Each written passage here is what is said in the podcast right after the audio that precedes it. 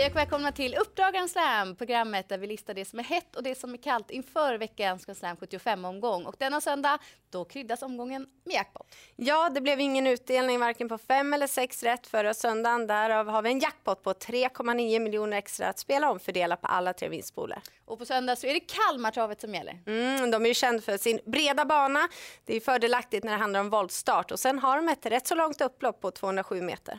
Och nu till veckans snackisar och vi börjar med första rubriken som lyder hög utdelning senast. Mm, senast var Grand Slam 75 på just Kalmartravet. Då fick man över 200 000 om man hittade alla sju vinnarna.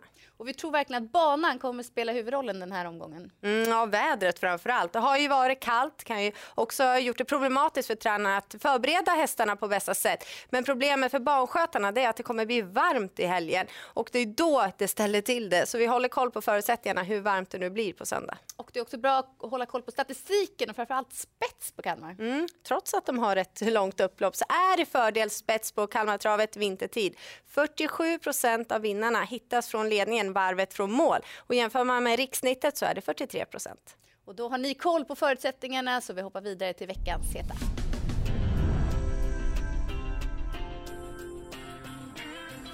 Åtta ston som ger upp i den första avdelningen. Här vill jag lyfta fram nummer sju, Jeans and Passion, som visade form senast. Jag tyckte hon sköt till bra på upploppet när hon fick chansen. Hon gynnas ju av att loppet inte är fullt och hon står bra inne i den här spårtrappan. Dessutom anmäld med en amerikansk sulky för första gången och det tycker jag är en spännande förändring. Jag tror att hon kommer trivas bra i den.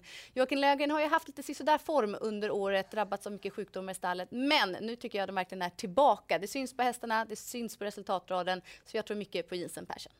Och någon som har haft bra form hela året är ju Thomas Malmqvist som har kört in mycket pengar i både Sverige och i Frankrike. I den fjärde avdelningen då har han ett spännande nyförvärv i nummer fem Indian Spice och i den sjätte avdelningen då har han en häst som verkligen står på tur för seger. Det handlar om nummer två Woogie Broline som nu har två lopp i kroppen, trivs verkligen över distansen och alla segrar förutom en är tagna med just skor på hovarna.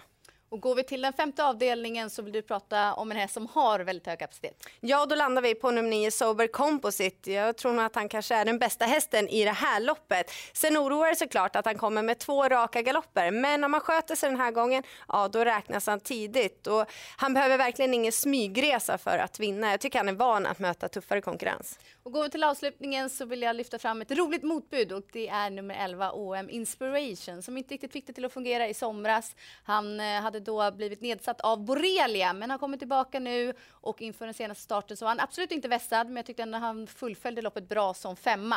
Han ska ha gått framåt väldigt mycket med det loppet i kroppen. Det är synd på läget såklart men jag tycker han gång på gång tidigare har visat att han är spurtstark så man ska absolut inte nonchalera honom med ett lopp i kroppen i avslutningen.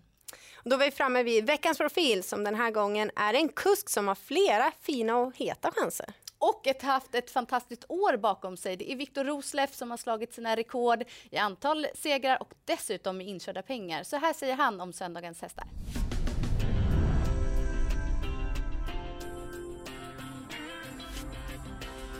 Fem hästar i Kalmar, Viktor. Vi börjar i den första avdelningen. Här kör nummer sex Benita Winner, för första gången. Vad kan du tro i det här loppet med Benita Winner?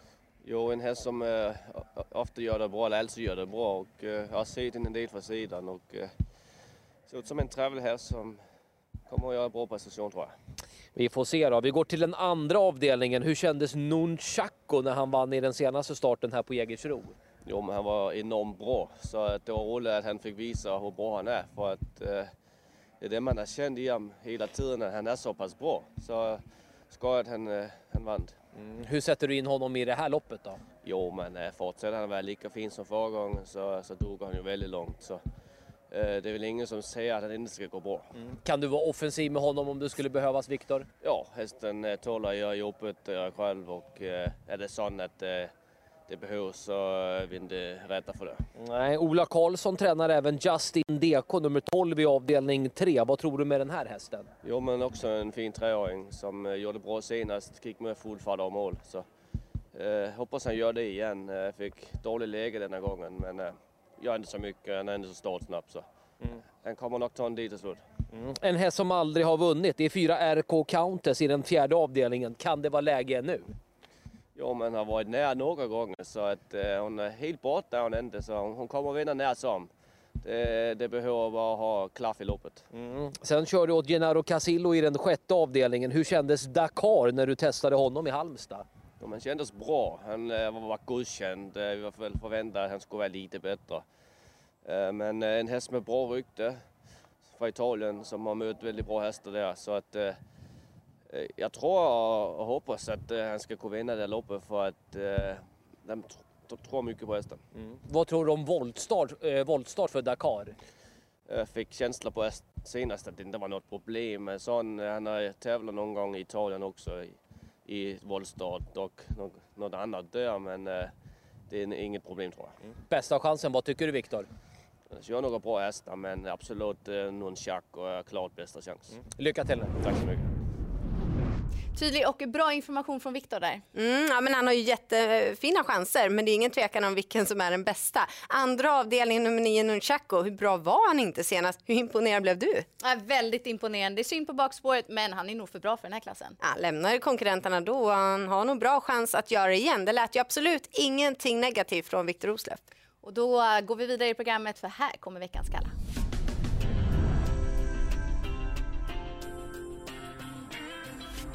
Vi börjar i den fjärde avdelningen med nummer 10, Giovanna Koger, som tillhör de bästa hästarna i fältet. Men det finns frågetecken. Dels så har hennes säsong varit lång och nu återkommer hon efter en paus. Därav är formen svår att bedöma. Dessutom kan man lägga till att hennes segrar hittills i karriären är tagna från ledningen, så det är ett minus att hon står på tillägg denna gång. Och i den femte avdelningen så är ju nummer tre Star Queens en fin travare och kommer med en fin resultatrad. Men segrarna är tagna i lite lättare konkurrens och jag tycker inte att det har lyst form om henne på slutet. Och det viktigaste inför söndag som man ska tänka på är såklart att det är jackpot och att det eventuellt kan bli en svårbemästrad bana. Mm, om det blir varmt så kan det absolut bli tuffa förutsättningar. gäller att hålla koll på det då. Då kanske det inte är bara fördelaktigt eh, med spets. Och de som brukar kunna spurta bra det är nummer sju, Jeans and Passion i den första avdelningen. Och Thomas Malmqvist är jag inne på framförallt i den sjätte avdelningen nummer två, Woogie Broline. Han står ju på tur för seger. Han gör det. Och hoppas vi kan hjälpa er i jakten på sju rätt. Stort lycka till på söndag.